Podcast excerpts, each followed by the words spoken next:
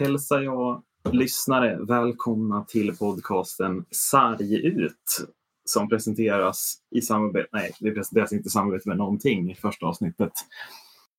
Men vi är i alla fall tre vänner som har tänkt att prata om hockey. Och hockey är ju det enda vi pratar om när vi pratar i både Facebook-chatten, eh, när vi träffas och om vi mot förmodan skulle ringa varandra. Eller vad säger ni Marcus Berg och Andreas Elderbäck? Absolut. I Facebook-chatten Slaskpatrask. Jo, mycket riktigt. Ska nämnas. Var kommer Slaskpatrask ifrån? Det var du som skrev det för Marcus första gången. Ja, det var jag. Ja, det måste, jag, jag, jag är helt säker på att det var du. Ja, jag är helt säker. Jag vet inte Det- riktigt hur jag försvarar det, men jag, det är väl min, min dåliga fantasi. Jag vet inte var, vart det riktigt... Du kom på ett rim i ditt huvud bara. Som du Ja. kände att Alltså jag kände väl att det, det var ett rim som absolut passade. För övrigt då- ett då landade väldigt bra det. namn. Ja. Ja, det, det, det känns som att det på något sätt beskriver oss. Alltså, vi är inte bättre slask. Nej. Alltså, det är lite så. Ja. Det är den nivån vi kommer hålla. Ja, Ja. och det kommer att liksom flyga lite fram och tillbaka. Så, ja, lite värderingar överallt. Så att, det är väl lite så det är i, i, i den chatten också. Så att, Så är det ju. Man vet Har, aldrig har ni något får. minne från den här chatten som ni direkt tänker på? Va, va, vad tycker ni är liksom, någonting som ni direkt tänker på som ni verkligen minns med glädje från den här chatten? oj, Väldigt många. det finns för många. Ja, men det är lite, det är lite så. Det är lite för många. Eh, men eh, Det, är- det är svårt att komma ihåg dem så här på rak arm. det finns ju inget som är så bra än när alla tre skriver ha ha ha ha med stora bokstäver. Och man vet att alla tre sitter och asgarvar bakom luren. Det Liksom. känns också som att vi har en extremt låg ribba för den typen av, eh, av, den typen av meddelanden också. Ja, Ja, så är det. som, som kanske inte många andra i just ja, någonstans skulle skratta åt som vi skrattar åt på det sättet heller. För att det Precis. oftast är typ relaterat till ja, antingen hockey eller ja. Så, så att det blir liksom väldigt internt också på vissa sätt. Ja. Så det är lite kul på det sättet. Men vi, vi ska väl också vara transparenta med eh, att vi alla tre kommer från Dalarna, eller bor i Dalarna åtminstone. Ja. Mm. Eh, och att ingen av oss håller på eh, Leksand som ju är, vad ska man säga, Dalarnas liksom, eh, om det är någon som är gud i Leksand så är det sportchefen i, eller gud i Dalarna så är det sportchefen i Leksand. Det finns ju ingen riktig gud. Mm. Och detta Ja. har ju skapat hos oss Ska, ska, vi, ska vi milt uttrycka oss att vi inte tycker om Leksand? Eller hur, ska vi, hur hade ni uttryckt det? Det är väl lika bra att lägga oss på den ribban. Eh, lägga upp den ribban så att säga. Istället för att bombardera ut. Kan vi säga det nu istället för att göra lyssnarna besvikna 15 avsnitt in? Liksom? Ja, men, Men- precis. Att, att vi, vi, kom, vi, vi har väldigt svårt att prata gott om Leksand helt enkelt. Ja, men samtidigt så alltså, det kommer inte vara så att vi öser hat på dem heller. Vi kommer ju vara väldigt så öppen med, ja, är det bra, är det dåligt, varför? Ja, vi kommer ju alltså hat på dem om de förtjänar det, tänker jag. Ja, Så är det ju. Gör, gör de någonting bra, då, är det ju, då, då tycker vi det är bra. Men gör de något dåligt, då är det ju för jävla dåligt. Liksom. Ja, Och ch- chansen är väl ganska stor att vi hellre pratar om dem när de har gjort någonting dåligt, tyvärr. För Ja, ja, det- Leksands supportrar som eventuellt lyssnar. Jag tror det är tveksamt. Ja, det stämmer mycket riktigt. Eh, Men vi har i alla fall i vårt första avsnitt tänkt att eh, våra eventuella lyssnare ska få en bättre bild av oss och vilka vi är, vilka typer av hockeysupportrar vi är. ja, Och vi har ju staplat upp en del frågor här som vi har tänkt ska fungera som någon slags protokoll eller eh, faktaruta om oss själva. Ja. Eh, och den här ska ju då också, vi har ju fått hybris direkt, vi ska ju då, har ju då tänkt att den här ska ju också användas på framtida gäster. Eh, sen om det överhuvudtaget kommer hända vet vi inte, eller om vi tvingas bjuda in våra farsor typ, för att vi ska få någon som svarar på den. Jag bjuder in farsorna och säger att det är någon annan. Så är det. Ja, men precis. Vi kan, vi kan vara öppen Har- med det på en gång, att det kommer att vara någon vi känner i släkten. Liksom. Sitter, sitter era farsor inne på bra imitationer eller vad, vad menar du? Jag vet inte vad jag... Jag, är, jag skulle säga att jag är, rätt bra på imitation. Men för i den här faktarutan så eh, ingår ju tråkiga frågor som liksom namn och eh, ålder och liknande. Jag tänker Ja. det kan vi väl bara eh, liksom säga jättesnabbt. Det är väl så jäkla intressant tänker jag. Sopa undan det liksom. Ja. Så Men eh, jag vet inte vad du säger Macke, ska vi bara starta i, i juniorlaget, juniorkedjan? Att eh, Adde får presenteras först helt enkelt. Ja, yngst först. Ja. Så det, Kvällens lineup.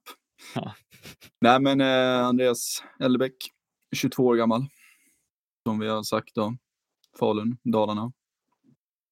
Ja, Har vi något mer att lägga till i den här faktarutan? Eller liksom den korta? Civilstatus, är det intressant? Nej. civilstatus. Ja. Eh, tjej. Flickvän som det så fint heter. Eh, Heter det verkligen så fint det? Ja, det går ju, går ju att diskutera vad man vill säga. Och vad man kan säga, men eh, jag säger tjejer då. Eh, sen eh, bonusbarn på det också. Eh, så det var ju vattkoppsparty i natt.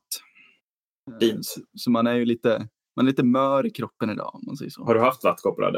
Ja, det har jag haft. Jag tänker du är så ung. Ja. Tyvärr så kunde du inte skämta om det idag. Men jag tänker du får välja vem som... Ska vi gå direkt till veterankedjan eller till han som är i sin prime? Vi kör väl Prime? Prime, det är alltså Ja. jag då för Ja. tiden. Erik Norin, 24 år gammal. Eh, numera utflyttad, bor inte kvar i Dalarna, bor i Örebro. Eh, som ju under min tid jag bott här blivit en hockeystad jämfört med en fotbollsstad. Mm. Och så veteranerna sist, som det alltid låter, men med de som har mest makt i omklädningsrummet. jag trodde ju att 25 var prime, men eh, det kanske har ändrats. Det börjar Inte, gå ut i- för. inte, inte när man är äldst. 25 är nya 15 liksom. Det, jag, jag trodde att det var då man var som absolut på topp. Då var man bara odödlig. Det kanske bara gäller när man är elitidrottare. Men, eh, Ja, det, det ska vi klargöra. Det är inte vi. nej, det ska, det, det, det ska vi absolut klargöra att vi inte är. Ja. Eh, Men du spelar ändå hockey fortfarande, Marcus. ja, ja, till eh, Eller vad kallar man det i, i din del. division? I min division eh, kallas det knäskada och sen kanske du vill spela lite till på kul. Nej, Men, men, men skulle du inte kunna åka rakt fram och ändå hålla rätt bra? Jo. Sen om jag ska svänga så nej. Alltså det är väl just, får vi se hur, om jag fortsätter eller inte. Men jag kommer väl att göra någonting som är kul. Alltså med hockeyn. Jag kommer inte att spela på någon seriösare nivå än en division 3 eller någonting sånt. Men kommer ta får hoppa in i nya, i nya Fiken här. När Helsingborgs AIK kollar ner. I nya Ja. fa, Falu AIK. Absolut. Om mitt knä håller då. Mm. Falu, AIK, är det där vi har hamnat nu? Där har Ja. vi hamnat ja. Falu IF kan inte bara ha ett, ett, liksom, ett litet lag. Nej, vet, de liksom, är för stora för det. De är för Ja. stora för det. Nej. Nej. För övrigt kommer det vara väldigt bra spelare i Falu AIK också. Ja, jag har hört rykten om det i alla fall. Mm. Men det kan, eh, Blir vi för lokala nu när vi pratar om Falu och AIK? Det blir vi inte va? jag vet inte. Det beror på vilka som lyssnar. Vi vet inte. Vi, Men jag tänker att de som lyssnar måste ju, alltså, de måste vara intresserade av vad finns det mer förutom Leksand, Mora och, och liksom Borlänge hockeymässigt i Mm. Dalarna. i Dalarna. Eh, och det är väl ingenting egentligen. Men vi bara nämner Nej. AIK för att vi råkar komma från Falun alla tre. Ja, ja, Ja. precis. Ja. Det stämmer. Men i alla fall tillbaks till min eh, ja, men, veteranstatus som jag ofrivilligt som, fått. som du ofrivilligt fick. Ja. Så ja, Marcus Berg heter jag. Eh, har spelat hockey eh, förr och är 25 år gammal.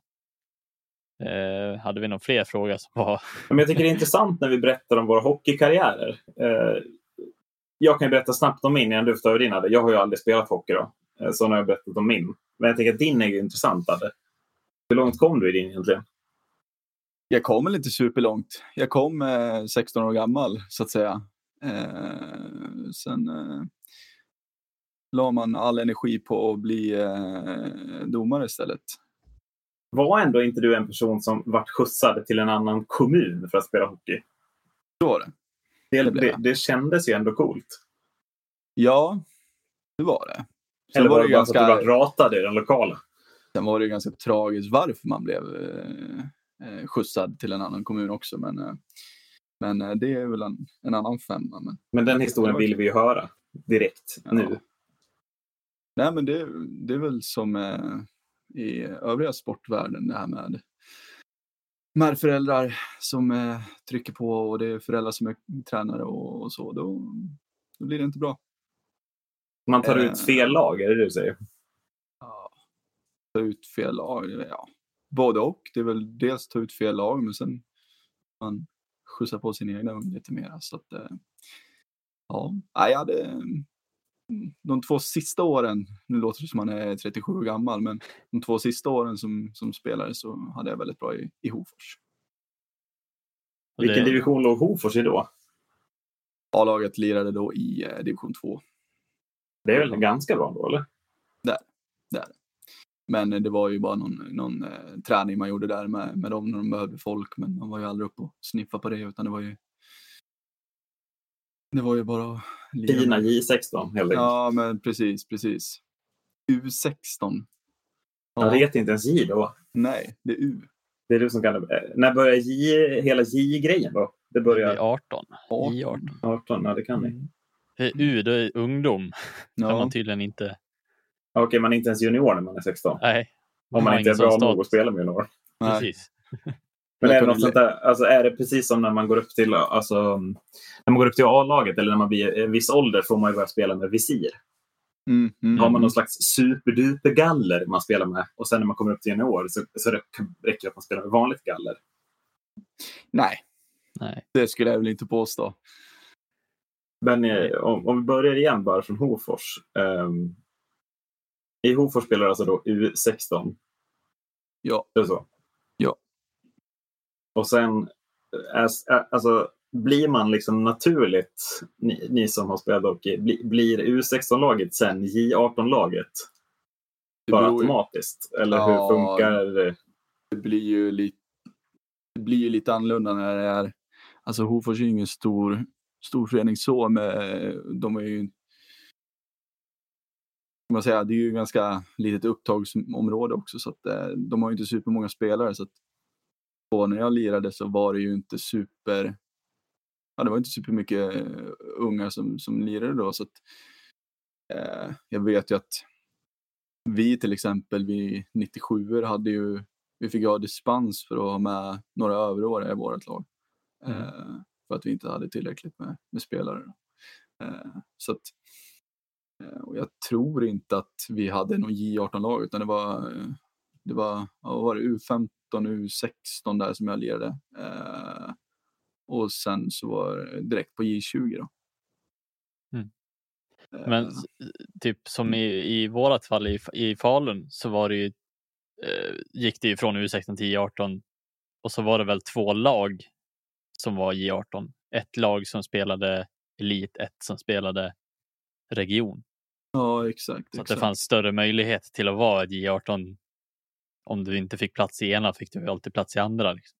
Jo, precis. Men det är ju som sagt, det är ju skillnad, det är skillnad på förening och förening också. Mm. Hofors har ju sitt, jag tror att de har J18 nu, men jag är inte helt säker. Eh, men eh, det är ju att om vi går till Falun då, det har man ju bra koll också att som sagt i J18 Elit och där är det ju där är det uttagning liksom för att komma in på hockeygymnasiet. Mm. Eh, Men, där- men det räcker ändå att, att kommunen är liksom i, i Faluns storlek för att man ska ha underlag för att ha ett J18-lag. Det Ja, krävs ja, inte att det blir Örebro-storlek. Om Nej. står så. Nej. Mm. Gud nej, gud nej, Mm. absolut inte. Så att, men det, det handlar ju om, liksom, så, som Macke berättade där också, att, att Falun har två stycken. Och det handlar ju mest om att du har spelare som har lirat i U16 eh, och det är ju lokala gubbar bara. Men sen när de ska sen bli 18 för att de inte ska ja, gå till någon annan förening eller sluta och så vidare, då har man ju valt att ha två lag också. Ett elitlag. Eh, reglag som det kallas. Då. Mm. Eh, vilket gör att det finns ju plats för, för mer spelare. Så Men får man ändå inte lite stämpeln att man är lite sämre om man hamnar i reglaget? så är det. Absolut. tyvärr så. Vill man inte heller gå till en annan förening i liksom stan då? Ja. Beror jag tror att det är helt beroende på, på ja. vilken person och föräldrar och allt. tror jag. Ja. Jo, precis. För om du, om du, inte, om du inte kommer in, om vi bara går lokalt i Dalarna, så kommer du inte in i Falun i deras elitlag kommer du förmodligen inte komma in i Mora och du kommer inte komma in i Leksand. Då har du bara Bålänge kvar eh, som är liksom någorlunda nivå. Eh, och de blir också i, i J18 Elit eh, och har för mig där också att det är uttagning. Eh, och då tror jag nog inte att du får plats där, men det är ju som sagt man vet väl aldrig. Det är, vissa tränare ser, ser en sak och andra ser en annan. Liksom. Mm. Men hur, hur, alltså, hur ser möjligheterna ut om man tittar eh, vilka, om, det, om man tar bort Borlänge, Leksand, Falun, Mora, eh, vart, vart finns hockey ens i Dalarna då? Hedemora vet jag är stora, men sen då? Alltså, finns det överallt precis som fotboll, innebandy eller har, har hockeyn blivit ja, mindre? Alltså, jag vet inte. Jag, jag tycker väl att det, det är ganska dött ändå, men samtidigt så alla kör ju på. Liksom. Hedemora är ju väldigt bra är ju väldigt bra liksom i, i på, ska man säga, ungdom, kanske lite fel, men barn nästan. Alltså i, i typ från U11 upp till U14, U15, då, då är de väldigt, väldigt bra. Men sen så, som det är just nu i, i samhället, så plockas ju de, de bästa till, till de bästa föreningarna och då blir det lite mer dött i, det, i de föreningarna. Mm. Men när plockas de bästa då? Är det, fort, det är fortfarande i, i 15-årsåldern man plockas, som ju är det naturliga eller vanligaste? Ja. Det är väl ja, främst i Stockholm som man plockas tidigare kanske? Ja, jo det är ju, det är ju 15, det är ju inför inför gymnasiet som det, som det börjar rätta till. Sen är det klart, det kan ju finnas också inför TV-puck och liknande. Kommer vi tillbaka till det också med föräldrar som, som eh, vill sitt barns bästa och ser möjligheter som gör att om du har ett barn som lirar i eh, Avesta som är jätte, jättebra eh, så väljer föräldrarna att kanske eh, titta på Mora och, och Leksand för att få in honom där inför TV-pucken för att han ska ha en större chans att komma med. Är TV-pucken fortfarande i den särställning som, som ju många elitspelare, bland annat Johan Forsberg, eh, har ju vittnat om att de som spelar TV-pucken är ofta de som också spelar SL? Det är väl lite... Ja, jag vet inte. Jag vet inte vad, vad du tycker Macke? Alltså, jag tycker väl att det är många som som tappar efter TV-pucken. Jag har sett många spelare som har varit så här, man känt att de här kommer bli hur bra som helst. Som ändå inte har blommat ut eller som på något sätt ändå inte liksom tagit sig längre än, än till A-laget i lokala klubben liksom eller något sånt där. Så att, tycker väl ändå inte att det bara, alltså det, det finns många spelare som ändå kommer dit till SHL ändå ofta de som sliter hårdast. Liksom. Mm. Jo, för det, det känns väl som att eh, eh visst är det väl en bra språngbräda eh, att använda TV-pucken om man visar upp sig där och visar att man kan. Men är man bra i TV-pucken blir också fallhöjden enorm om man inte lyckas, kanske är fel ord, men, men att man inte tar sig längre än division 2 som du sa. Mm. Ja, men så är det ju. Det är ju det är klart att när är du, är du bra i TV-pucken så får du förväntningar på dig. Eh, och föreningen som, som plockar dig, ja, säg Leksand då, de lägger ju ner, lägger ner pengar på dig så att säga, alltså rent utbildningsmässigt för att för att göra dig till en så bra spelare som möjligt och, och lyckas du då inte leverera, ja, det är klart att, att eh, fallhöjden blir, blir jävligt stor, så att säga, eller hög. Finns ju längre fallhöjd än TV-pucken kan jag tycka också. Ja. Det är väldigt tidigt att urskilja de bra spelarna från de sämre.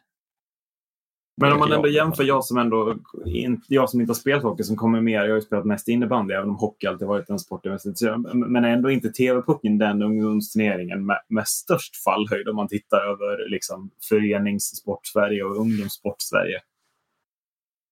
Den turnering ja. som är mest uppåt, jag menar, man sänder ju inte distriktslags-SM i innebandy, sänds ju inte på SVT. Nej. Äh, ändå väl. Jag är ju otroligt fel kille att fråga det med tanke på att jag inte har någon aning om hur, hur det ser ut liksom i fotbollen. Och jag vet ju att det är, no, det är väl någon läger, någon distriktläger i, i, nere i Halmstad i fotbollen. vet jag. Ja, men, alltså jag, för mig, jag har bara koll på innebandyn också. Mm. Men, men, just att hockeyn, det är den ungdomsturnering man vet om. Ja, precis, precis, Det är ju TV-pucken, det är där de nästa stjärnorna ska gå. Och, och den, det, det, känslan är väl i alla fall inte att det finns eh, en liknande Nej, nej, det, ja, nej. det gör det ju inte. Motsvarighet till någon annan sport, vad, vad jag kan se i alla fall. Nej, nej det alltså, rent, rent självförtroendesmässigt för just i den åldern så måste det ju vara ett extremt avbräck och inte komma någonstans efter det. Jag ja, tror inte precis. att, alltså att och försöka återhämta sig från en sån eh, ett sånt avbräck från ja, rampljuset om man säger så. Mm mm. i den åldern tror jag inte man är redo för. De flesta i alla fall tror jag inte är redo för att ta den smällen. Liksom. Nej. Och det kan ju vara det som mycket gör att ja, men om du inte har tagit motgångar innan, ja då kommer du ju inte att ta den där. Liksom. Mm. Så ja, jag, jag tror också att det är en väldigt...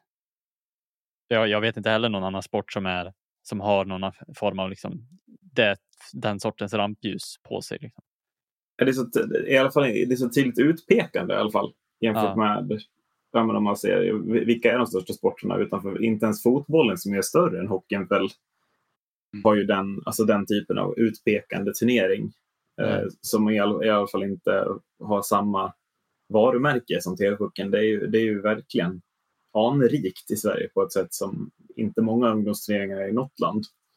Mm. Mm. Ja, nej, det, det är intressant. Det är det. Uh... Mer om TV-pucken en annan gång, tänker jag kanske.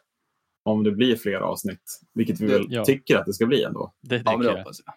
Oavsett men, hur många lyssnar eller vad som helst så tycker jag att vi... Ja, vi kan ju spela in det här bara för att det är roligt. Vi har ju den. Ja. Så länge vi inte tjänar pengar på det här har, inga, har vi inga krav förutom på oss själva. Nej, precis. precis. Och vi lyssnar ju. ja, precis. vi tre, tre, tre, tre lyssningar i alla fall. Liksom. Ja. Så det, ja, men det, absolut eh, stort ämne och mycket att grotta ner sig i. Eh, och det kan man framförallt ta i när det är dags för TV-pucken eh, nästa gång. Tänker jag. Ja. Det är en rolig special kanske att göra om vi om det, blir, om det blir någonting i år. Om det blir någon TV-puck, ja. Det hoppas vi. Men jag tänker ja. att eh, nu vet folk vad vi heter och hur gamla vi är. Men det krävs ju absolut mer information om vilka människor vi är och hur vi ser på hockey som sport och hur vi ser på, eh, på spelarna som utövar den här sporten.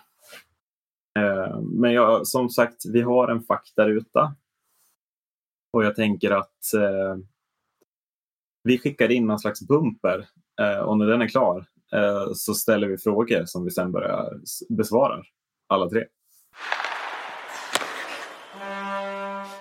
Vem vill svara på första frågan då? Ska vi ta yngst igen? Jo, han blir, ska, han bli, ska vi ändå köra den mobbing-grejen, Macke? Den klassiska, att de äldsta mobbar de yngre i omklädningsrummet. Är inte det, ja, är inte det lite uttalat för hockey? Att det är väldigt... Plocka puck, så, jag, puck. så jag har upplevt Ja, ja du får plocka upp puckarna helt enkelt. Men vi ställer frågorna då. Uh, favoritlag? Djurgårdens IF. Hur blir du Djurgårdssupporter för första början? Eh, ja, för det första inte härifrån från första början från, från Falun utan uppväxt fram till fem år om man kan vara uppväxt då eh, nere i Stockholm. Mm, och jag var, var djurgårdare redan i magen enligt, enligt morsan. Så att eh, ja, det har varit eh, Djurgården för hela slanten. Eh, ända sedan man kikade ut. Så att eh, ja, det, Du har det i blodet så att säga? Ja, det kan man ju helt klart säga. Det... Jag tänker att, att jag eh, följer vidare då för att eh, Mackes svar kommer bli mycket mer intressantare. Eh, men jag, för jag har ju samma anledning till dig, Adde. Att, Mm. eh, jag håller inte på Djurgården, jag håller på Mora IK. Dalarnas, det är vi som är Dalarna. Fram tills förra året när vi åkte ut. Eh, men det har ju varit Mora IK så länge jag kan minnas. Eh, och framförallt är det ju min farfar som bor i Mora och som har engagerat sig i föreningen genom alla dessa tider. Som har gjort mig till en Mora-supporter. Jag satt och kollade på J20-matcher som treåring på läktaren i anrika smidiggrav. Fin. Eh, Så, så, ja, det, det är väldigt fint. Det kände jag också. Det, det är fint att ha det i blodet. Men därför tänker jag att det är intressant när vi nu tar oss vidare till Marcus Berg, favoritlag. Modo Hockey. Och det har du väl ändå inte i blodet? Det kan man inte säga. Inte direkt. Det är väl Nej. ingen annan än du som håller på Modo i din släkt va? Eh, nej. Sen är min släkt ja, väldigt utspridd. Typ. Nej, men eh, de flesta i min släkt är ju björklövar. Är de. Men ingen av mina föräldrar är ju björklövar. Men ingen av dem Eh. håller på Modo heller. Nej, Skellefteå håller farsan på. Ja. Och det har han gjort sedan han var ung. Men jag tror att det har lite att göra med, obviously så är det ju på grund av idoler jag själv har haft inom hockeyn. För jag var väldigt insatt i hockey i, i och med bilder och hockeybilder och sådana saker. Mm. Sen var väl inte farsan någon så här super supporter kanske till Skellefteå när jag växte upp heller. Så att det är inte så här att, jag- att jag blev influerad till att bli, hålla på Skellefteå direkt. Nej. Men sen den största anledningen eh, som jag faktiskt har eh, också, eh, förutom att det är idoler som ja, men Forsberg och Enström var ju en tidig idol också som jag hade. Mm. Eh, att eh, min farfar eh, gav mig ett, ett medlemskap i Modo Hockey när jag var liten. Så att jag var medlem, så jag fick eh, tidningar och grejer från Modo Hockey. Men bara Också. sådär? Han bara eh, gjorde Ja, alltså, med han, Modo? det var väl också för att jag ville väl ha det. Alltså det var väl, jag hade ju liksom utvecklat en form av kärlek till Peter Forsberg tidigt. Eh, och det var väl där någonstans som att jag, han tyckte att det är klart att jag ska vara medlem i Modo Hockey. Så det var lite, lite det också som, som har gjort att det har format min... Och sen också att jag, jag är född, jag är inte född i Dalarna heller utan jag är född i Umeå. Många tycker ju att ja, men, du är ju dalmas, du ska hålla på Leksand, men det tyckte inte jag. Även som i tidig ålder. Det har jag ju fått höra ända sedan ja, jag gick i mm, lågstadiet. Alltså, det har varit Det är ju något vägen. man har fått höra kan man väl ändå konstatera under Ja. alla dessa år som det fint heter. Ja, precis. Så att, nej, men jag skulle säga att det är den största anledningen. Att det är dels eh, mina idoler som hockeyspelare, men också just den där detaljen att, att jag faktiskt hade, jag fick tidningar hem hela tiden och, eh, och min farfar var en, stor liksom, del i varför jag fortsatte hålla på Modo Hockey. Liksom. Alltså att det vart en supporterkärlek till det. Vi håller kvar lite vid, eh, inte så mycket vid farfar och medlemskapet, men vid idoliseringen av spelare och går till nästa fråga. Eh, favoritspelare genom tiderna? Jimmy Ölvestad. Djurgårds ikon. Mm, en riktig järnkamin. Eh, numera också fystränare i, i Djurgården. Eh, ja, har alltid varit eh, favoritspelaren. Just med, just med tanke på hur, hur han spelar också. Eh, eller hur han spelade. Eh, det var ju verkligen järnkaminshockey. Eh, och det är så man är uppväxt och ser dem. Eh, det är så man vill se dem. Eh, så att, eh, ja, 550, 547 matcher i, i Djurgården. Eh, vart det tyvärr några där i allsvenskan så inte alla i, i, i högsta ligan men eh, ja.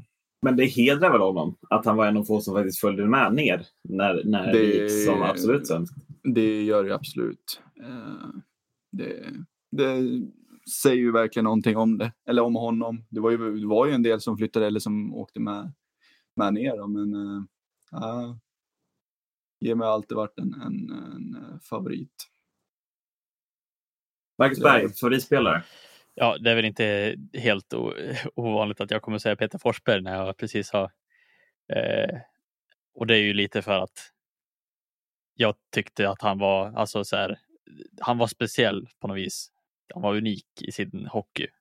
Och det var väl det som gjorde att det var liksom vart min favoritspelare. Han kändes så eh, komplett på alla sätt. Har du något, liksom, har du något så här coolt hockeykort med Peter Forsberg? Du vet som var någon slags eh, blänkande silver Oj, ja. ungefär. typ hur många vill du ha? Eh, nej men eh, jo, det har jag. Både från eh, den tiden han kom tillbaka till Modo under 2000. Vilken var lockoutsäsongen? 2000... 2004 va? 2004 och 2005 ja. Eh, har väl en del därifrån men också en del skinande kort från eh, tiden i Colorado Avalanche också. Eh, man hängde ju en hel del på Film och Fabel kan man ju säga och eh, köpte hockeykort. Trodde du skulle säga att du hängde en del i Pepsi Center med... ja, nej, det är ja, en Film och Fabel för kontext, en, någon slags videobutik i centrala Falun. Va? Ja, Känd precis. för billigt lösgodis och inte för bra film. nej, precis. Eller på vår tid hockeybilder, de enda som sålde hockeybilder i Falun. Typ. Ja, just det. det var Förutom kanske leksaksbutikerna. Jag vet inte om de... Ja, men det var ju bara, det var, man, man började ju ändå med hockeykort i, i övergångsperioden från när man tyckte det var kul att vara på B-leksaker. Men de fanns fortfarande där, hockeykorten. Och då kändes det pinsamt att gå in i leksaksaffären. Så då, då tackar man Film och Fabel i efterhand för att ja, man kunde precis. Liksom, köpa dem någon annanstans. Ja. Eh, favoritspelare? Jag kommer att svara Mika eller Wikstrand trots att han är så nära mig i ålder. Mm. Men eh, det är ju mycket av det mitt Mora, mycket av de minnen jag har som, som väldigt stenhård supporter eller väldigt eh, trogen supporter är ju från 2010-talet trots allt. Mm. Och när Wikstrand kom fram så, så hade han redan då en, en aura kring sig av att det här kommer bli något mer än bara en, en spelare som är viktig för Mora IK. Eh, och han fick ju senare ta ett, alltså han tar faktiskt VM-guld senare. Det är en av de mest bortglömda VM-mästarna vi har de senaste två gulden som mm. vi vann år efter år. Men han tar ju guld 2018 blir väl det va? Ja, eh, 17 var det första. 17-18 mm. vann vi va? Mm. Ja. Uh, så, och det, är, det är väl det enda hockey-VM-guld som jag känner någonstans betyder lite extra. Eftersom att de annars blir väldigt... Det är, för, det är för ofta med hockey som vi har hockey-VM helt enkelt. Uh, ja. men, men det hockey-VM kan jag ändå känna att uh, jag kan minnas och se tillbaka på med någon slags stolthet. Mm. Då var man där i Köpenhamn 2018. Vad fint. Ja, det måste ha varit väldigt... Men för 2017 var det väl Wikstrand vann, måste det ha varit. Han var väl med första året vi vann. Visst vann vi två år i rad? Eller har jag eh, helt fått det fel nu? Vi vann två år i rad, va? Ja, det måste vi ha gjort. Vi. Så... Kanada på straffar ena året och Schweiz på straffar andra året var i finalerna. Två straffguld. Ja, två straffguld, ja. Mm. Korrekt. Jag vet inte, krävs det, alltså så här, favoritspelare, krävs det att man överhuvudtaget liksom ger något slags annat alternativ som inte har spelat i sin egna klubb? Men, eller är det inte självklart att man ger? Vad känner ni? Borde man ha en favoritspelare som inte har spelat i sin egen klubb också?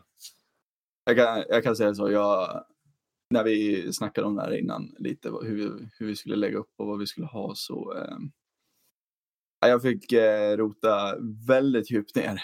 Det är ju Nej, men för jag kände det också när jag, för jag har precis som du försökt rota lite, men, men det är ju långt ner tills det kommer en spelare som inte har representerat sin egna favoritklubb kan jag känna. Ja. Mm. Ja, ja. Visst, det är klart man har, man har ju relation till de som vann OS-guld 2006 och till de som har vunnit VM-guld, men ändå inte. Klubblag blir ju någonstans ändå viktigare än, än landslag tycker jag. Mm. Det är det. Jag, jag kommer ju bara på fler spelare från typ klubben som man så här, eftersom jag, jag hade ju en väldigt så här, connection till, alltså att jag tyckte Tobias Enström var så bra och unik på, sig, på sitt sätt när han kom fram med Modo. Typ. Och det har väl lite med att jag relaterar till att han var ganska liten hockeyspelare, typ som jag är. Att, mm. och, och, att han fokuserade mycket på skridskoåkning och sådana grejer. Att han var väldigt snabb skridskoåkare från början. Men annars så vet jag inte om, eh, jag har typ skrivit upp Arvidsson. Det är väl lite samma där. Viktor Arvidsson alltså? Viktor Arvidsson. Pratar vi om. Mm. Och det var också en anledning där att storlek, en spelare som är tuff och snabb och en, alltså så här, ändå har storleken mot sig. Så jag tror att det är lite det som har format mitt svar i alla fall. Ja, men jag, vet, jag försökte liksom leta lite bland NHL-spelare också, men det, det slutade ju till sist liksom med Marian Hossa, Anse Kopitar, Bobby Ryan. Var spelare som ja. har lockoutat i Mora, som är, någon av er tycker mer om än andra eh, spelare. Lite så. Det blir, Mm. Så jag tycker, jag tycker vi lämnar den frågan där. Och så ja. om någon skulle avkräva oss på att säga någon annan spelare så gör vi väl det i en någon slags frågelåda någon gång. Precis. Det tycker jag. Um, så istället så ställer jag en fråga. Det här skulle ju kunna gå ganska snabbt den här frågan. Uh, hur många lag borde spela i SHL kontra allsvenskan, Marcus? Ja, alltså, nu ska jag försöka inte vara den här partiska allsvenska killen som önskar att sitt lag spelade i högsta ligan. Eh, men jag känner ju ändå att det fanns ett läge. Alltså, jag tycker väl att det har varit bra tidigare, men ändå samtidigt så känns det som att de har haft möjlighet till att testa och utöka serien. Eh, SHL pratar du om nu? Ja, SHL absolut. Eh, till 14 och det hade varit en extremt rolig möjlighet att göra det. Speciellt i läget som vi står i idag. Till 16 menar du eller? Ja, till 16. Visst är det 14? Ja, det är 14. Du ser till och med jag, ja, man blir helt, läser fel till och med. eh, för att det hade varit liksom en, ett ny, en nytänkande ny grej som hade varit roligt för både ja, men, tittare, supportrar. Jag tror att det hade ökat säkert intäkter bara för att liksom, det är lite spännande att ha fler lag i eh, och sen ha med lag som kanske drar mycket publik också. Du utökar dem med två lag som faktiskt hade bra med publiksnitt. Eh, sen säger jag väl inte vilka, om det nu var de två som kom överst i allsvenskan eller om det de två nedanför hade fortfarande varit men, men, du tänker både som Modosupporter och som någon slags objektiv hockeykunnare att Eh, eh, nu när det blev som det blev med coronasituationen, att nu hade man kunnat testa att göra det till 16 lag och ta upp eh, Modo och Björklöven som blev ett och två i Allsvenskan. Ja, och, och samtidigt kunna backa om det blev fel och backa med det nästa säsong igen om det skulle bli fel. Att Men om det, det då ska upp 16 lag i SHL, hur många tycker du då ska vara i Allsvenskan då? Det är ju också en bra fråga. Eh, det blir ju får man fråga med vad är ekonomiskt möjligt för alla lagen också. Hur, eh, för alltså det, det hade vi också kunnat funkat och tagit upp de två lagen som kommer ner från division 1 också och bara flytta upp serierna. De som, de som nu, eh, för det var väl, det var väl någon som kom i kläm nerifrån också som blev. Ja, precis. Eh, och det blir ju väldigt tråkigt avslut på en fin resa som många har gjort. Men, men tycker, du att, tycker att det här är rent, rent utifrån den här säsongens ut, alltså utform, alltså slut? Eller tycker du objektivt att, man, liksom att det alltid har varit en bättre idé att ha fler lag i SHL och fler lag i Allsvenskan? Eh, ja, för att jag, alltså, även om den här säsongen inte hade nu så tycker jag ändå att det finns lag med potential eller som garanterat skulle kunna ha ett stabilt lag i översta ligan, även i ligan under i allsvenskan.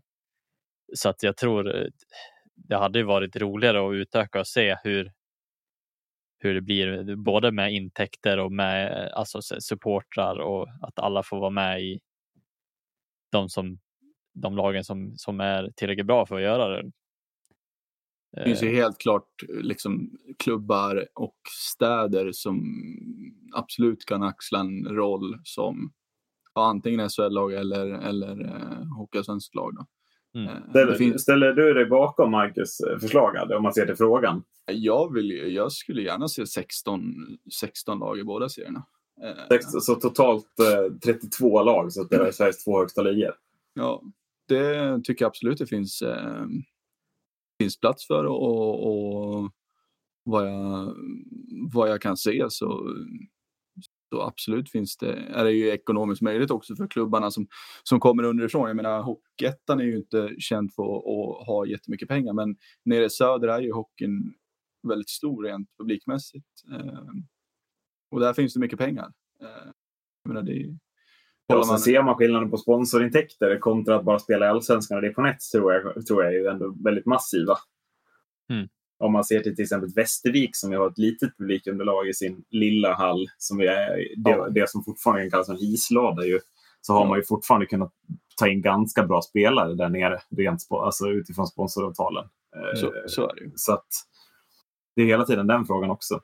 Mm. Eh, Men jag, jag kommer ändå på något sätt sätta igång en diskussion. Jag vet inte, men jag är ju helt eh, tvärtom jämfört med. Jag vill ju ha färre lag. Jag tycker att kvalitets, kvalitetsskillnaden i årets SHL blev nästan lite störig med fyra lag som var så uppenbart sämre än de andra. Eh, Linköping, Brynäs, Leksand, Oskarshamn. Så jag skulle nog nästan vilja kapa ner det till 12 lag i, i den serien. Med- alltså, ba, bara för att, för att inte behöva dela på de bästa spelarna lika mycket som man gör i nuläget utan att de bästa spelarna håller sig inom 12 lag. Mm. Eh, sen skulle jag väl dock vilja som ni kanske utöka allsvenskan. Eh, men att SHL håller på att bli lite för skiktad för att jag ska tro att det är bra för svensk hockey. Men jag, jag har ju ändå argumentet att eh, vi har ju sett hur, hur vi har utökat i hur många spelare vi har i NHL och KL till exempel. Hur, hur spelare liksom, alltså vi har ju många bra spelare som kunde kunna få plats under SHLs tak. Bara SHL hade liksom blivit lite mera status på. Alltså så här, Men tänker du att produkten verkligen blir, alltså blir SHL, ökar kvaliteten av fler lag? Jag tänker att de här spelarna kommer tillbaka om, om vi tar bort vissa lag. Ja, Eller alltså- är jag fel på det? jag tror att om vi ser till att eh, de lagen som, som eh, har kvaliteten som spelar idag spelar allsvenskan också hade spelat där som har en stor supporterbas och troligtvis många spelare som säkert vill komma tillbaka och spela för dem. Så tror jag säkert att kvaliteten skulle öka också. Ehm, sen säger jag väl inte att, att man ska kicka ut lag som inte platsar heller. Eller alltså det, det känns också fel. Eh, Det går ju inte att kicka ut någon Nej, ja, precis. utan det är ju Nej, nej det, där håller jag ersättare. med er. Att, att man ska ju sportsligt åka ur, absolut. Ja. Mm. Eh, men Men- samtidigt men så här, känner jag att eh, ja, men typ ett lag som, som Björklöven som man vet är rivaliserande med många, alltså så här Luleå, Skellefteå och Modo och ha dem i samma serie. Det skulle ju öka enormt för både ja, men publikintresse, tittarintresse, garanterat alltså eh, intäkter från, från tv-avtal eh, om det skulle vara fler tittare. Men skulle det öka kvaliteten på ishockeyn? Det är där jag tycker skon jag, tror, klämmer. alltså, jag tror att fler skulle vilja vara villiga att spela för, Ja. för lagen om det skulle vara liksom en, en mera rivaliserande liga. Det, Mm. det tror jag också, absolut. Men då kommer vi till det där igen också, hur, hur, hur ska man göra? Jag menar, visst, Björklöven är liksom stora rivaler, Luleå, Skellefteå och, och, och Modo till exempel. Men hur ska vi, vi kan ju inte bara skicka in dem i en serie liksom, utan det är ju som, som Erik sa att de lär ju komma dit på, på via sporten så att säga. Inte av, Ja, att, ja, av att de är rivaler och, och det blir bra med publik och sådär. Men eh, mm. Nej, men för det är klart att jag skulle tycka att mitt Mora gärna får spela i SHL och att det skulle bli roliga matcher mot Leksand. För där finns det en sån tydlig rivalitet. Mm. Jag är inte säker på att kvaliteten rent hockeymässigt höjs. Det känns ju det känns ju inte som att det görs den klassiska sägningen, det görs inte lika mycket mål längre. Kanske har lite att göra med kvaliteten, vad vet jag. Men, Mm. men eh, ändå kul att vi står lite olika här. Mm. Vi måste ju röra oss vidare i den här faktarutan om vi inte ska spela in i, i flera hundra år här. jag. Ja. Ehm, så jag tänker att ehm, vi har ett segment med där vi ska utse mest överskattade spelare och mest underskattade spelare. Är det, är det någon, känner ni att, har ni, har ni mest känslor för den ni har utsett som överskattad eller den ni har utsett som underskattad? Den där är, den är rolig. Den eh, bra fråga faktiskt. Eh, det beror ju på vad, vad, vad känslor är. är. Nej, men den ni känner att ni, ni har starkast argument för då, varför den är. Mm. Eh, Ja, starkast argument, det, det, är svårt att svara på. Jag, Nej, men vi kör, vi, kör, vi kör överskattade först. Överskattade. Mm. Det, det, är alltid bra att liksom avsluta med att säga bra spelare sen. Spelare som man tycker ska ha mer cred. Alltså jag, jag har ju skrivit en överskattad spelare, men jag har ju en joker som vi alla troligtvis kommer att hålla med om. Den sparar vi då verkligen. Ja. Så den sparar vi efter när alla svarar på sina överskattade spelare. Ja, men jag tänker att jag kan faktiskt börja med en överskattad spelare. För jag kommer röra mig, eh, jag kommer inte stanna kvar i Sverige nu, utan jag kommer röra mig till en spelare som har spelat i NHL i hela sin karriär, förutom lockout-säsong, som inte är svensk. Eh, och det känns väl kanske lite taskigt att hänga ut en spelare som har eh, börjat närma sig, eller som är 40 år tror jag, och börjar närma sig slutet på sin karriär. En gedigen karriär ska, ska absolut eh, säga. Men den här spelaren är hyllad som typ en av de bästa forwardsen under hela 2000-talet, 2010-talet, under den perioden han spelat. Jag, jag förstår inte riktigt. Eh, utan Joe Thornton, han är en överskattad spelare. Det säger jag rakt ut. Här och nu. Och sen får ni tycka vad ni vill om det. Mm. Intressant. Intressant. Mm. Eh... Och framförallt baserar mm. det på att, att Joe Thornton har alltså nu spelat i NHL sen början på 2000-talet. Han har inte representerat dåliga lag. Det är Boston, det är San Jose nu de senaste åren. Men han sitter fortfarande inte på en enda Stanley Cup. Noll mm. Stanley Cup-bucklor. Mm. Och för mig har det helt enkelt att göra med att om man ska vinna Stanley Cup så kan man inte ha Joe Thornton som första center. För han är inte tillräckligt bra för att, för att leda sitt lag fram till till en Stanley Cup-buckla. Jag tycker mm. det där kan ta oss in också på det här med det extrema gullandet också med, med eh, stora då inom, inom, eh, inom eh, citattecken, eh, stora spelare eh, i, i, klubbarna. För jag tycker det är ganska mycket gullande liksom att de har, jag, jag kan väl inte riktigt hålla med om att jag tycker att han är överskattad, Thornton, men eh, han har ju absolut varit bra. Väldigt bra. Men jag tycker väl att dels San Jose ska ju gjort av sig med honom för två, tre år sedan. Minst. Eh, för, ja, att, men för, för, för att kunna lägga de pengarna på en annan, på en annan center. Ja, nu, men precis. Numera är han ju tredje center. Liksom. Ja, exakt. Han är ju tredje center. Och, och ska man se till de titlarna han tar så, har, så är väl det ändå OS-guldet med Kanada 2011 som får räknas som hans största titel, väl? Ja. ja. Uh, och, och, det är ju en titel han vinner som fjärde center, väl? Där. Uh, är ganska på. Han har väl Crosby är första center, sen är det väl Mike Richards och Brian Getzlaff som är andra och tredje center före Joe Thorntons kedja. Och, och, ska man vinna titlar så kan inte Joe Thornton spela i, i ett, nu är det här ett exempel, men, men, han kan inte vara första center utan då måste han vara andra eller till och med tredje center som han är i läget. Han, han håller inte en hög nivå. Sen så har han en gedigen karriär med många år där han har gjort poäng. Mm. Men att ranka honom som en, en av de största forwardsen under den här två decennierna som har gått, nej det, det kommer jag inte acceptera heller. Mm. Ja, det är väl... intressant. Ska väl tilläggas, Vem vill köra? Ska väl tilläggas också att vi kommer ju aldrig tycka någon är helt värdelös. Det är ju bara mer att vi tycker att förväntningarna på spelarna borde vara Alltså de borde ja, men sett till hur man pratar till. om spelaren, tänker jag. Man pratar ja. om Joe Thornton som en av, en, alltså inte nu längre, men, men när han var som bäst, då pratade man om honom som en av de bästa centrarna i hela NHL. Man pratade om honom som en av de bästa på decenniet. Och, och det kommer jag inte hålla med om. Alltså, vinner man inga titlar, då, då kan man inte tillhöra det där. Så enkelt är det. Mm. Motbud?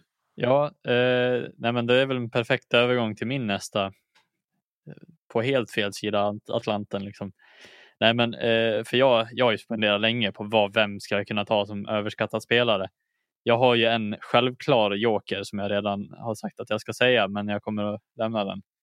Eh, och säga Rickard Wallin eh, som min överskattade spelare. Inte för att jag inte tycker om Rickard Wallin eller någonting på det sättet, utan mer att jag tycker att han borde ha varit bättre än vad han var. Eh, i, det, I det Färjestad han spelade i. Eh, och sen tycker jag att han, alltså så här, han, han kunde ha haft, han hade ju höga, höga förväntningar, eh, men han hade ju kunnat förvalta dem mycket, mycket bättre eh, under sin tid i Färjestad. Det känns ju helt klart som att han hade en, liksom, en högsta nivå som skulle absolut kunna klara att han bättre kvar i, i, i Toronto till exempel. Ja, tycker jag. precis. Det är en sån mellanspelare som, som aldrig riktigt slog till fullt ut på sin maxkapacitet, känns det som. Mm. Jag tycker, jag tycker det, det är ett väldigt bra motbud du presenterar, Marcus. Det är väl en, en spelare. Sen vet jag inte vilken typ av spelare Rickard Wallin egentligen är. Det är väl det jag blir lite... Men, men ser man till poängskörd och att han under en ganska lång tid var lagkapten i Färjestad mm. så, så, har jag mer förväntningar på, alltså på den typ spelartyp som Rickard Wallin ändå var som spelade powerplay. Också spelade mycket att han borde ha gjort mer poäng utifrån eh, vad han vad faktiskt gjorde. Sen är det ju det här eh, titelgrejen då. Han tar ju fyra guld med Färjestad. Ja. Trots allt. Men ja, det är ju hela tiden och jag tycker att han är ju lagkapten i ett, i ett vinnande lag. Jag tycker att man inte ska underskatta det. Alltså. Nej, och, och samtidigt, alltså, även om man, så här, ja, men man tittar bara på titlar och grejer, som, som i Thorntons fall, att han har aldrig tagit någon titel jämfört med Wallin som har tagit titlar men som ändå inte har presterat enligt mig det absolut yttersta han hade kunnat gjort. Det känns som, eh. som två typer av, av överskattade spelare. Ja. Man kan prestera. Det är två olika liksom äpple och päron nästan. Nej, men, eh, att det blir det, den andra sidan av, av myntet. typ. Wallin är den som ändå vinner men är det på grund av att han var så fantastisk som den ja, lagkapten han var eller han kanske var helt magisk i omklädningsrummet, det vet inte jag. Jag har ingen aning. Men rent statistiskt sett så var ju hans sista säsonger inte någonting att hänga uppe i den översta delen av svenska ishockey. Nej, poängskörden. Liksom. Superintressant. Har vi, en, har vi ett tredje, en tredje sida av det här myntet, Adde? Eller, eller har du valt någon av de här banorna när du har valt en ut, överskattad spelare? Jag har definitivt inte valt de här banorna kan jag säga. Då, då är det ett eh, tredje jag sida av myntet? Okej, okay, lite till. Lite kanske till eh, poängskörd till en viss del kan jag tycka. Men eh, det här är bara rent, rent agg mot för mig som, som supportar Djurgården så är det rent agg till, till Skellefteå AIK. Eh, Jimmy Eriksson är mitt motbud. Eh, jag tycker att det, det är en sån spelare som, som man älskar att ha i sitt lag och, men avskyr att möta. Det, det, det är en sån spelare. Men eh, jag tycker att han är tycker alltid att, haft, att han har haft en så här liten översitta-attityd. Liksom, äh, dåliga intervjuer och äh, men, nej, jag har aldrig, aldrig förstått mig på med storheten med, med Eriksson. Alltså, det är... Om man ska se till alltså, eh, de som tycker att Jimmy Eriksson är en av de största, då, eh, mm. vad, vad, ser de tror du? Vad, vad ser de som hans stora styrkor? Alltså de, de, ser väl, de ser väl förmodligen en, en ledare. Det, det är absolut. Bara kolla väldigt liknande spelare rent, rent spelmässigt också i, i Göteborg, i Joel Lundqvist i Frölunda. Eh, det är ju två väldigt liknande typer. Det känns ändå inte Jimmy Eriksson som är mer light Joel Lundqvist. Jo. Jag håller, med, jag håller mer med dig nu när du säger att Jimmy Eriksson är överskattad än om du hade sagt Joel Lundqvist. Ja, ja. Nej, ja och det kommer vi tillbaka till också när, när vi börjar snacka om det här med lite gullandet i, i klubbarna. Det är ju samma här. Liksom. Eriksson börjar säsongen, eh, sista säsongen i, i SK Lejon. Liksom. Vad, mm. vad är det han säger i säsongen innan att han ska lägga av? Han lägger av. Han tar upp karriären igen i SK Lejon. Och Ja, blir han inte lagkapten året efter sen? Han väljer att förlänga kontraktet. Jo. Nej, vänta. Nej, det blev han inte. Nej, det var han inte. Blir han inte det? För, för att det är som du säger, han börjar väl en säsong i SK Lejon. Ja, Och sen eh, efter ett tag bestämmer han att jo, men han ska spela i Skellefteå. Mm. Och den säsongen är ju inte eh, Nej. lagkapten. Men stannar han inte en säsong till sen? jo, det gör Och han. eh, blir han inte lagkapten den säsongen då? Det måste jag kolla upp. Kan Alltså. någon- men Men eller vem kollar upp jag, det? Jag kan kolla upp alltså. Ja. Det är mycket möjligt alltså. Det är, det är fan helt sjukt när man tänker Du har helt rätt. Ja, det är det. Ja, men, nej, jag aldrig, tå, alltså, aldrig tyckt om honom. Det fy fan. Jag får ju en så här tanke. Det är ju karaktärsspelare. Alltså att det är det som supportrarna och de runt omkring har sett. Ja. Att han är ju en karaktär. Det är precis som Joel Lundqvist. Mm. Det är ju, han, han kan vända på matcher bara genom att göra, göra sig syn liksom, för någon. Varför Väl känns det- ändå, eller jag vet inte hur ni tänker, men känns det, jag, jag fastnar lite i det här med att Jim Eriksson är en Joel Lundqvist light. För att under alla de här åren när Eriksson har varit kapten och när de har tagit guld så har det ju fortfarande, eller under hela de här tiderna känts som att det är Jocke Lindström eller Oskar Möller som är den som ska ta tag i saker och göra poängen när de ligger under. Och, när, och jag tycker att Joel Lundqvist är ändå betydligt bättre på Jim Eriksson att kliva fram i, i, i, tyng, i ett svåra, tunga lägen än vad, vad Jim Eriksson har varit. Ja, nej, men han hade väl, han hade väl någon, eh, någon liten streak där under, under storhetstiden i början av 10-talet. Eh, där han gjorde, han snittade väl typ 30, 30 poäng i, per säsong, Jimmy. Men, Ja, men sen liksom, det, är- det är som du säger, det är Jocke Lindström och, och Möller som har gjort det där och de har ju alltid haft en amerikanare med, eller en, en nordamerikan med. Som ja Jim Eriksson och- spelar ju med någon av de här spelarna hela tiden. Precis. Alltså, Möller och Lindström spelar ju tillsammans. Sen spelar ju Jim Eriksson med, som du säger. När, när Bud Holloway var som bäst, då var det Jim Eriksson som spelade med Bud Holloway. Så Ja. det det han har inte spelat med spelare som inte producerar. Absolut. Nej. Nej, men då, det, är det, det är det jag, det är det lite som Macke var inne på med karaktärsspelare. Att, eh, att Jimmy och Joel är lika. Ja, till viss del. Det är väl så att man älskar att ha dem i sitt lag, men jag kan inte tycka att jag avskyr Joel att möta honom. För att jag tycker att Joel har en helt annan liksom ödmjukhet. Liksom ödmjuk, respekt för allt, alla. Så, ja.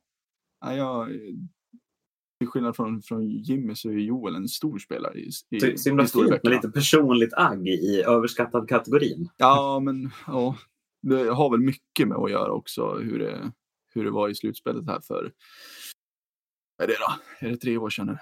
När Jimmy åker igenom Djurgården på Hovet.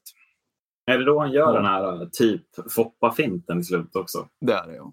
Ja. Där. ja den, den ser framför mig hur den skär igenom dig. Ja, det hade kunnat fått varit Patrik Norén. Inte Jimmy Eriksson. Nej. Ja, du ska få prata om något gladare nu. Jag, jag tänker att eh, du får utse en, en väldigt underskattad spelare. Har du varit lika personlig?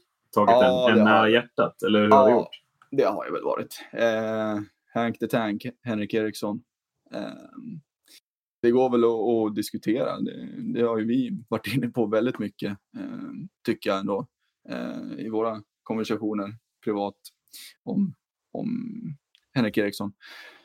Eh, om han är eh, fortfarande underskattad eller inte. Det, men jag kan väl tycka, tycka det. För Hank har de, ja, ända sedan Djurgården gick upp i SHL igen har väl han, tycker jag, varit en av de viktigaste spelarna Djurgården har haft. För han har ju varit den här, han har ju varit Jimmy Ölvestad liksom. Han har ju varit järnkaminen. Det är han som har tagit tag i taktpinnen. Det är han som har åkt 45 meter och satt in en, en propp i, i, i kortsargen. Det, är- Mm. det är han som alltid står upp. Det är han som alltid peppar. Han som alltid spelar med hjärtat utanför. Liksom det, Men, Ja. men vad säger du till, till en spelare? Nu, nu är jag en, en riktig så här, störig förståsigpåare. Så här, ja, men, eh, du säger att Jimmy Eriksson är ö, ö, överskattad, men Henrik Hank the Tank är underskattad. Eh, Är inte det liksom, alltså går inte det emot varandra? Va- Vad säger du till någon som Eh. inte förstår skillnaden? De som inte förstår skillnaden tycker jag väl att Jim Eriksson, likt Rickard Wallin som vi var inne på, borde väl ha varit bättre, blivit bättre. Eh, Sett nu, utifrån sett utifrån vad, vad man kan, eller vad personen i fråga kan prestera. Ja, du tänker utifrån, utifrån roll och, eh, Utifrån och roll. prestation. Precis, och vad man har sett av dem. Jag menar, jag säger inte att Jim Eriksson är en usel spelare, det har jag, det har jag inte sagt, utan eh, det är ju som sagt väldigt mycket personligt. Eh, och det är det som jag tycker är stora skillnaden. Jim Eriksson hade kunnat, han hade kunnat gjort 45 poäng, alltså, ja, väldigt många år i rad. Men det gör han inte. Han hade, Jim Eriksson hade kunnat spela NHL, men nej. Nej, han stannar faktiskt alltså, fascinerande lågt poängmässigt mig som tänkte jag på när jag, när jag kollade på honom. Mm. Sett vilket lag han spelade i och vilket lag Hank the Tank har spelat i SHL. Och sen står Djurgården har ju varit under uppbyggnad får man ändå säga. Ja, ja. Så att, eh, Macke, ja, Eh, Underskattad spelare. Får jag börja med att presentera min... Eh, Fram med jokern. Eh, Gud, jag glömde joker. joker. Ja, eh, Nu blir det ju ännu mer joker när vi går tillbaks till den förra ännu frågan. mer spännande. Vi, nu trodde folk att vi skulle liksom glömma bort den här jokern. Ja, precis. Då, då kommer jag vara så intressant att jag kommer presentera statistiken först. Ja, det ser vi fram. Och den statistiken är följande på SHL-nivå. Alltså, Mm. eh, 33 matcher spelade han eh, och gjorde noll mål. Sju assist. Hade minus 10 i plus minus statistiken. Och eh, om ni får göra en vild gissning på vem det skulle kunna vara. Alltså, jag tror inte vi, alltså, vi, det här har du pratat så mycket om att vi kommer inte kunna vilt gissa det här, Marcus. Tror jag. Utan du får bara säga hur mycket du hatar den här spelaren. Eh, Patrick Dwyer eh, är den här spelaren. Eh, spelade i Carolina Hurricanes och säsongen innan han eh, kom över till ja, SHL och spelade 33 matcher för Modo Hockey. Eh, det här är väl också lite personligt. Jag vet inte om det är personligt agg mot honom. Han hade väl Är det personligt? Menar du det? jag vet, jag vet inte riktigt om det är personligt. Nej, men eh, det känns lite som att han ändå tagit någon form av ensam ledning i den eh, ja, överskattade spelare som kommer över, från Atlanten. Liksom. Ja, det, det, det är en så otrolig... Ja, för du sett, det, det du mer får fram är ju, är ju en typ av spelare. En spelare som kommer från flera säsonger i NHL och tror att de ska kunna göra vad de vill i SHL. Precis. Och inte, inte liksom så här, nej men jag var jag tog ett sabbatsår liksom borta i NHL eller jag spelade för två säsonger sedan så. Utan det han spelade säsongen innan i Carolina åkte över.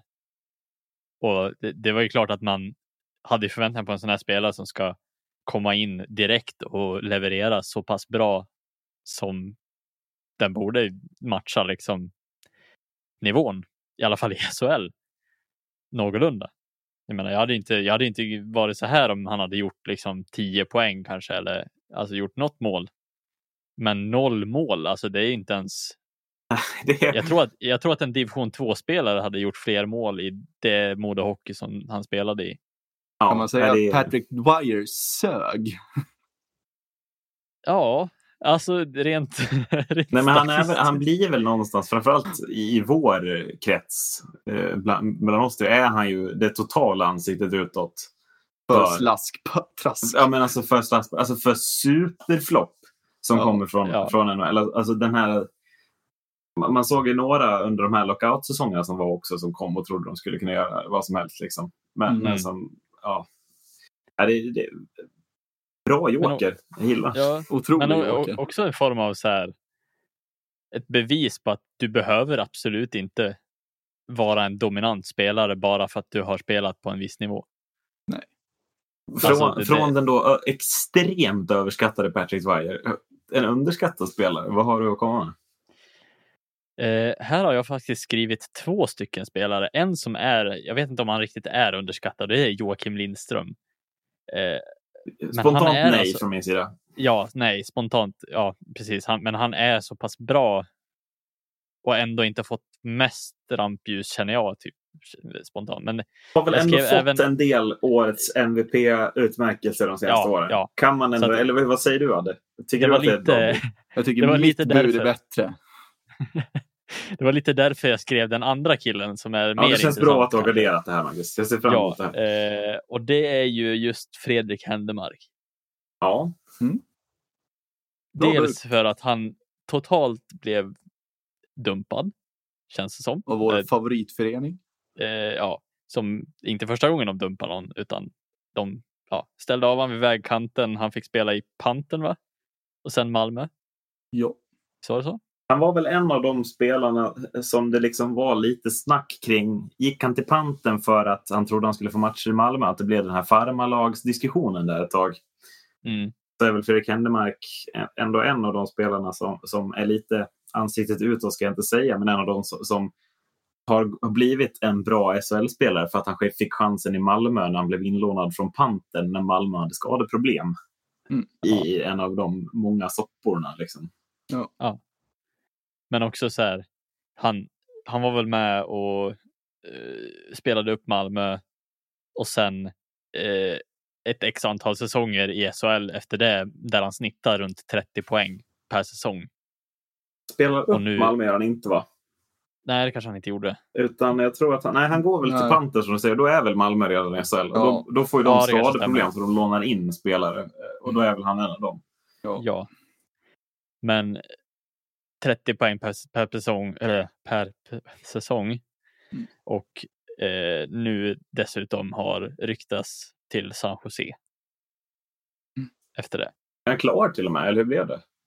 Det, det, senast jag kollade var det rykte i alla fall. Jag vet inte om det är helt Lösa klart. rykten, men jag tror nog inte det är helt otänkbart. Nej.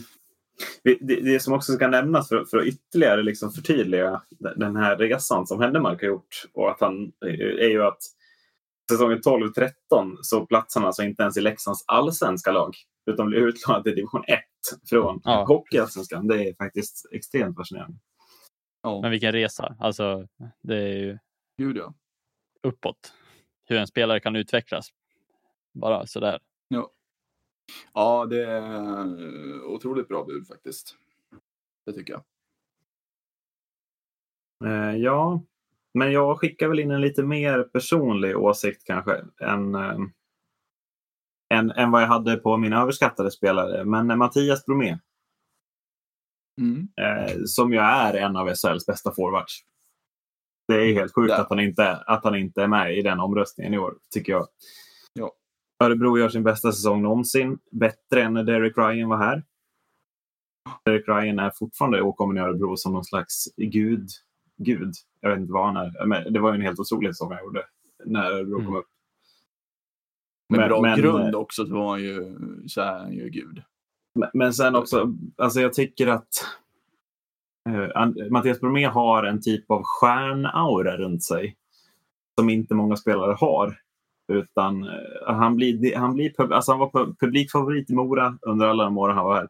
Nu var ju vi här, eh, ni var ju ner hit till mig och vi var och kollade på Örebro-Djurgården här för bara en månad sedan. Ja. Eh, och, och liksom när Bromé är i mål, det är en helt annat jubel i hallen jämfört med bara någon annan målskytt. Han, han har han liksom så mycket mer omtyckt. Och det är bara en säsong in han är det. Eh, men om man ser till att de som man nominerade till årets forward i årets SHL var liksom eh, Marcus Nilsson, Fredrik Händemark som du nämnde Marcus och Brock Little. Så är det för mig helt, helt ofattbart att Brock Little får, får vara med i den här omröstningen men inte Mattias Bromé. När Örebro så går, går så pass mycket bättre. Han är så tydligt Örebros viktigaste forward. Ja. Eh, och, och gör ju lika mycket poäng som Little. Jag tycker att det Eh, För mig, för mig så blir, då, då ska han räknas in här i, i de underskattade spelarna. För jag tycker att dels, dels auran han har runt om sig men också dels han faktiskt uträttar på plan. Så är Mattias Bromé eh, en av SHLs bäst, tre bästa forwards i år och det kan jag faktiskt stå för utan, utan problem. Bromé är ju den här fixstjärnan som vi inte ser så himla ofta längre. Tycker jag. Nej, men jag, jag håller med. Alltså, eh, Dick Axelsson har lite samma aura. Man ser direkt att han är på plan. Eh, och jag vet inte riktigt, jag, nu har jag inga fler, fler bud på den, men det är en speciell aura. Och det är som du säger, det är många som, det finns inte så mycket längre. Nej. Vi jobbar oss vidare. Nu, nu kommer lite mer frågor som inte så mycket spelar längre, utan nu är det mer eh, ja, men lite, lite vi, vi har försökt att, att, skapa nya samtal här. Vi ser hur, vart vi kommer. Vi börjar med bara en ja eller nej-fråga. Eh, Play-in, ja eller nej? Nej. Nej. Nej. Titta, vi, vi är överens om något. Det är otroligt. Mm. Vi behöver inte säga, ska vi säga något mer? Nej. Nej, onödigt system tycker jag. Ja, helt onödigt. Skapa mindre nerv under säsongen. Ja. ja. Uh, hur, vi har ju en fråga här. Favoritdomare och varför? Vågar du ens svara på det som ändå dömer typ division 2? ja, men det kan jag göra. Eh, jag har alltid varit svag för någon som kanske inte är jättekänd för den breda publiken med tanke på att han inte får så mycket skriverier om sig och sådär. Micke Sjöqvist, Karlstad. Otroligt bra. Och, och, du som ändå kan hur det är att vara hockeydomare, vad är det som gör honom bra då? Nej, men han är, han är lugn, han är sansad och han tar ju till synes alltid rätt beslut tycker jag. Eh, sen är ju det som jag, som jag brinner för som domare, som, som jag vill, vill, vad ska man säga? Jag vill, jag vill se ut som en bra domare.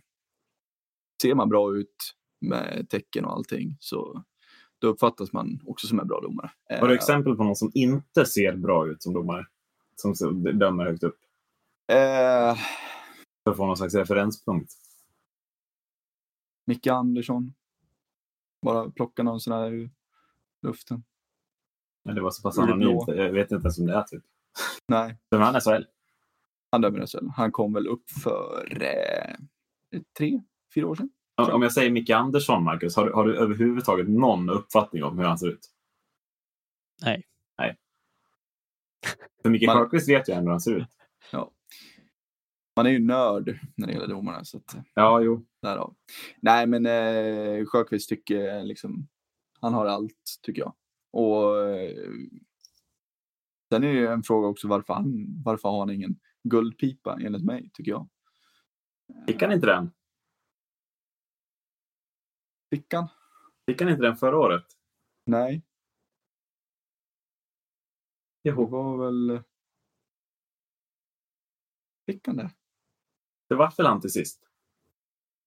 Eh, var det inte Nord och sen så... Um... Nej, inte var det Nord förra året också? Så var det ja. Den tar vi om. Det behöver väl inte göra. Det kan jag bara erkänna att jag hade kunskap om Guldpipan. Den är bra. Den är, det tror jag, jag inte. Jag var, he, alltså, för jag var helt inne på, för jag satt nämligen och läste igenom om Guldpipan igår. Varför jag inte ens reagerade på hans namn är för mig helt ofattbart faktiskt. Men äh, ja, bra. Bra eh, inflikat där. Äh, ja, nej, jag mm, ser honom som bättre än än uh, Micke Nord. Helt klart. Nu över då till, mer till pöben i frågan, eh, till mig och Marcus. Mm. Eh, som, eh, jag kommer inte ha ett lika, lika bra svar som Adde här. Macke, jag vet inte, har, har du det? Absolut inte. Nej, nej, men du får börja då. Vem är din favoritdomare och varför är det?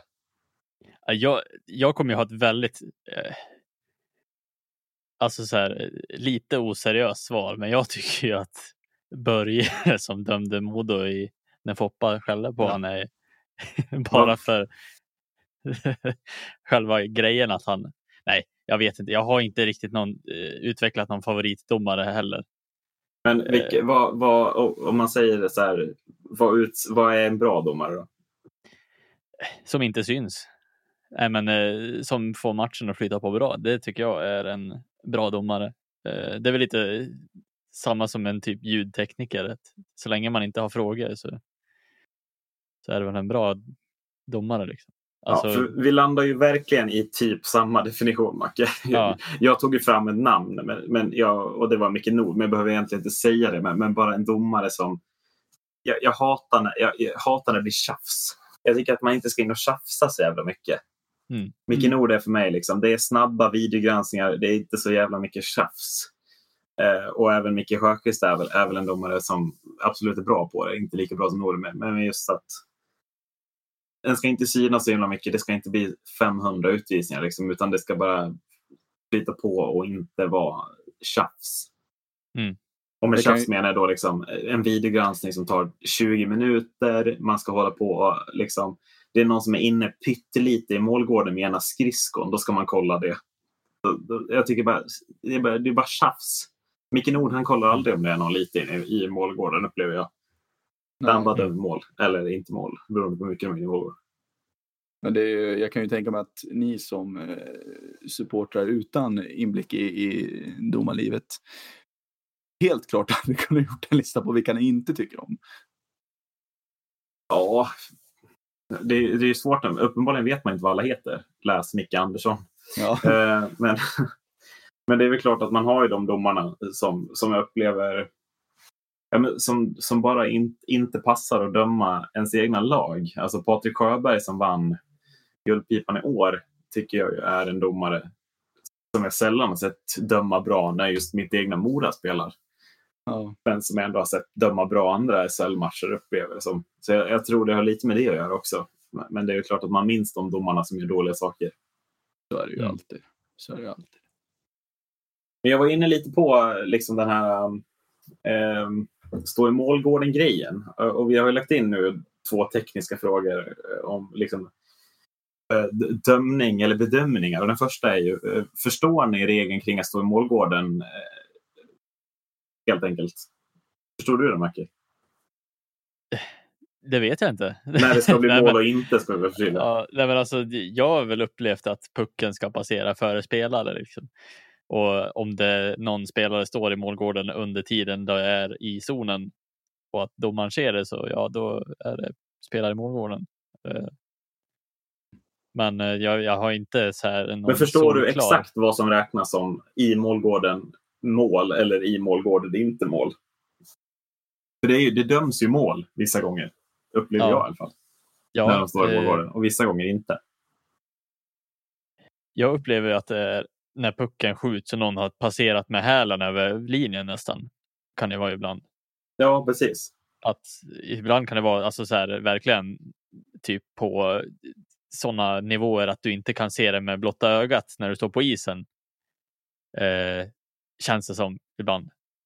Men samtidigt så är det vissa gånger som det blir mål som det obviously är en väldigt tydlig ingång i, i målgården.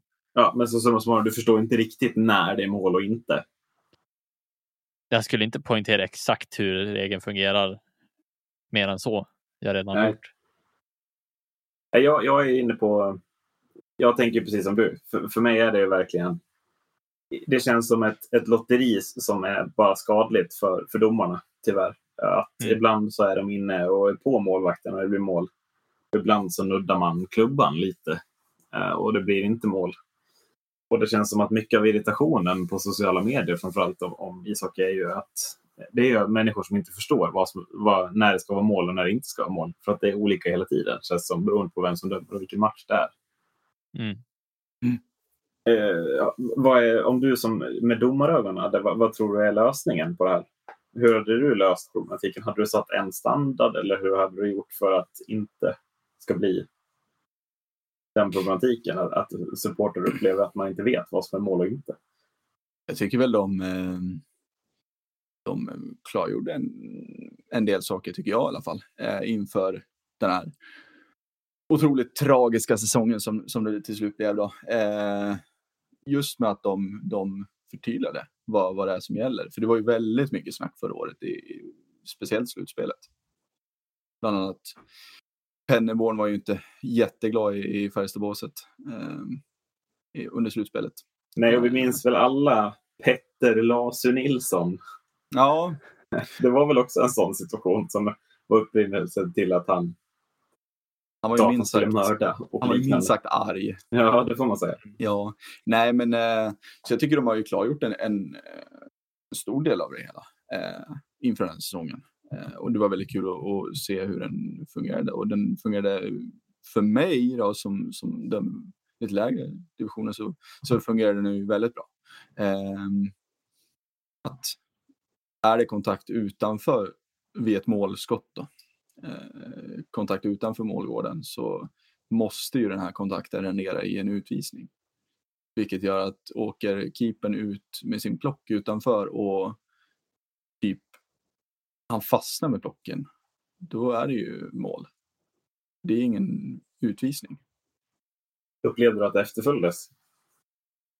Eh, jag kan tycka det. Mm. Vad jag, eh, som sagt, jag degraderad domarsvaret. Kolla ju. Ja, ja, men jag, för mig så funkar det bra som sagt. Då. Eh, på de jag, matcherna jag kollade i år så tycker jag att det fungerade bra. Eh, speciellt eftersom jag följer Djurgården med väldigt hårt så där var det inga sådana extrema situationer. Eh. Vad skulle du säga Macke? Om eh, just vilken? Nej, men skulle du, kände du att det var klart, mer klart förra säsongen än säsongen innan? Nej, det kan jag väl inte tycka. Nej, det känns som att om man inte är domare så är det väldigt svårt att hänga med på, på skillnaden. Ja, det tycker jag väl och det känns ju som att det jag kan ju förstå ändå. Eh, det blir ju svårare för domare också ju mer sådana här regler är där bedömningen kommer in. Att eh, det handlar om personlig bedömning. Och att det tolkas ju väldigt fel kanske också av supportrar i sig. Att ja, vissa beslut tas på ett visst sätt. Men om inte alla förstår det så kommer det att bli otydligheter. Liksom. Ehm, nej, så att jag, jag, jag är inte helt klar med hur regeln fungerar alls. Om jag inte läser på exakt hur den är. Men eh, man har ju upplevt ett och annat mål som har blivit så här konstigt dömt. Jo, men jag, kan, jag kan ju hålla med er om i det här att jag tycker att det ska vara en standard. Alltså det, det måste verkligen vara likriktat. Det måste, eller likriktat, det måste verkligen vara samma hela tiden. Att, att är du i målgården och du tar kontakt med målvakten, då är det alltid bortdömt. Och är du utanför och du tar kontakt så ska det, så måste det vara en utvisning och det ska alltid vara så. Det kan inte finnas att okej, okay, det där var ganska, ja, det ska inte vara någon gråzon, det är ju det. Men det är ju mm. det också som, ja, är, den är svår också för det kommer alltid bli gråzon på ett sätt. Känner jag. Men mm. eh, ja. Eh, den är inte helt enkel. Men, men hur bra är den? Alltså om du ser till den här gråzonen. Mm. Hur skadlig är den för, för domarna? Det är klart att den är, det är, men det är klart att den är skadlig med tanke på att om du har en, en gråzon där Micke Andersson dömer bort målet. En exakt likadan situation så dömer Micke Nord mål. Det är klart att... Hur många Micke det är som dömer? För övrigt. Mm. Ja. För, jag, Alla som dömer Micke, SHL heter Micke. jag heter för övrigt Micke i andra namn också, så det är klart att jag skulle bli domare. Liksom. Ja, Micke Nord, Micke Sjöqvist och Micke Andersson har vi nämnt nu. Alla ja. Liksom, ja. ja. Nej, så, men det är, det är just det att det måste verkligen vara likadant hela tiden. Och, ja. Men hur löser man det här då? I NHL har man löst det med War Room. Är det lösningen här också? Eller Ja, du har, alltså, du, du har ju bra, bra war room eller vad man ska säga nu då som, som du har med, med Christer Lärking i situationsrummet. Ja. Uh, det känns som att de har fått en del kängor också jämfört med, alltså för det, det här War Room i NHL känns ju som helt orörbart. Ja, precis. Det är liksom mm. lås och bommar. Ingen ja, men det känns som att ingen ens vågar, vågar säga något negativt om det. Nej, som att det är slags, ja, Nej, exakt. Men det, det, är, det är väl lite kulturen också. För att det har ju jag märkt också eftersom att man dömer någon nordamerikan hit och dit. De är ju helt liksom de allra flesta ska sägas. Det är klart att det finns, finns, finns eh, ja, folk som inte beter sig också. Men eh, men nordamerikaner i, i stort eh, är ju väldigt respektfulla mot, mot oss domare. Eh, säger man, säger man åt dem att nu är det, liksom, nu är det nog, då, då lyssnar de på det. Och det är ju väldigt sällan svenskar gör det. Om det har någonting med att göra med att War Room i Toronto känns otroligt untouchable liksom, så eller inte, det, det vet jag inte. Nej, men för, för, det, för det är väl ändå en, en uppfattning som alla har, att, att det är, War Room är helt untouchable. Ja. Det kan ju vara mest untouchable i hela hockeyvärlden när jag tänker efter. Det finns ingenting som känns mindre untouchable än, än War Room. Nej, nej, jag håller med. Du har ju liksom inte ens Lord Stanley är lika untouchable. Liksom. Nej, nej, nej, faktiskt. Det är lite som domarna i NFL. Ja. Det, det är ingen som ifrågasätter domslut där. Då... Nej, men är det någonting i, liksom i USA i allmänhet där man inte ifrågasätter domslut? Eller, tror eh, Jag ja. tror att det är så. Och har det bara med respekt att göra eller har det med en gammal kultur? Eh, kultur vågar jag inte, sva- vågar jag inte liksom, det vågar jag inte Nej, den ska vi inte det. ge oss in på. Men, eh, men respekten är ju helt klart liksom, annorlunda. Det är det ju. Ehm, och om det har någonting med att göra att ja, att forum, situationsrummet här i, i, Sverige får kängor hit och dit och, och ja, domarna i allmänhet får, får kängor. Um, det tror jag nog kan eller liksom kopplas ihop med att svenskar i övrigt, eller svenska, liksom, svenska spelare har en annan eh, har ett annat, en annan approach till, till domare än vad ah, nordamerikaner har. Det blir en, en sjuhelvetes avslutning är vi ganska medvetna om. Är som att vi alla har läst frågan och vi vet åsikterna i det hela. Det blir det. Ska vi inte lämna den som en cliffhanger? Jo, Det kan vi göra. Ja. Men då lämnar vi en cliffhanger till nästa avsnitt. Eh, och vi, ska vi säga frågan? Eller ska vi också spara den? den kommer att handla om domslut. Ja, det, på ett sätt kommer det göra det. Absolut. Mer än så behöver vi inte säga. Nej. Men då sparar vi den sista frågan till nästa avsnitt och vågar oss på att lova någon slags bra diskussion om det här ämnet. Till Det nästa avsnitt. vågar jag lova, ja. Det vågar, vi vågar du också lova, Ja. Macke? Eller garderar du dig? Ja, så det beror på vad ni tycker. Men jag tycker att det kommer. Vi har ju lovat det nu. Ja, ja, ja, jag lovar. Du lovar också. Vi lovar en, en intressant diskussion. Ja. Eh, men då säger vi så och så kan vi konstatera att nu har vi varit inne i poddzon väldigt länge. Och hur tar man sig enklast ur zonade? Det gör man sarg ut. Det gör man sarg ut. Ha det bra. Det här var det första avsnittet av podcasten Sarg ut. Hej då!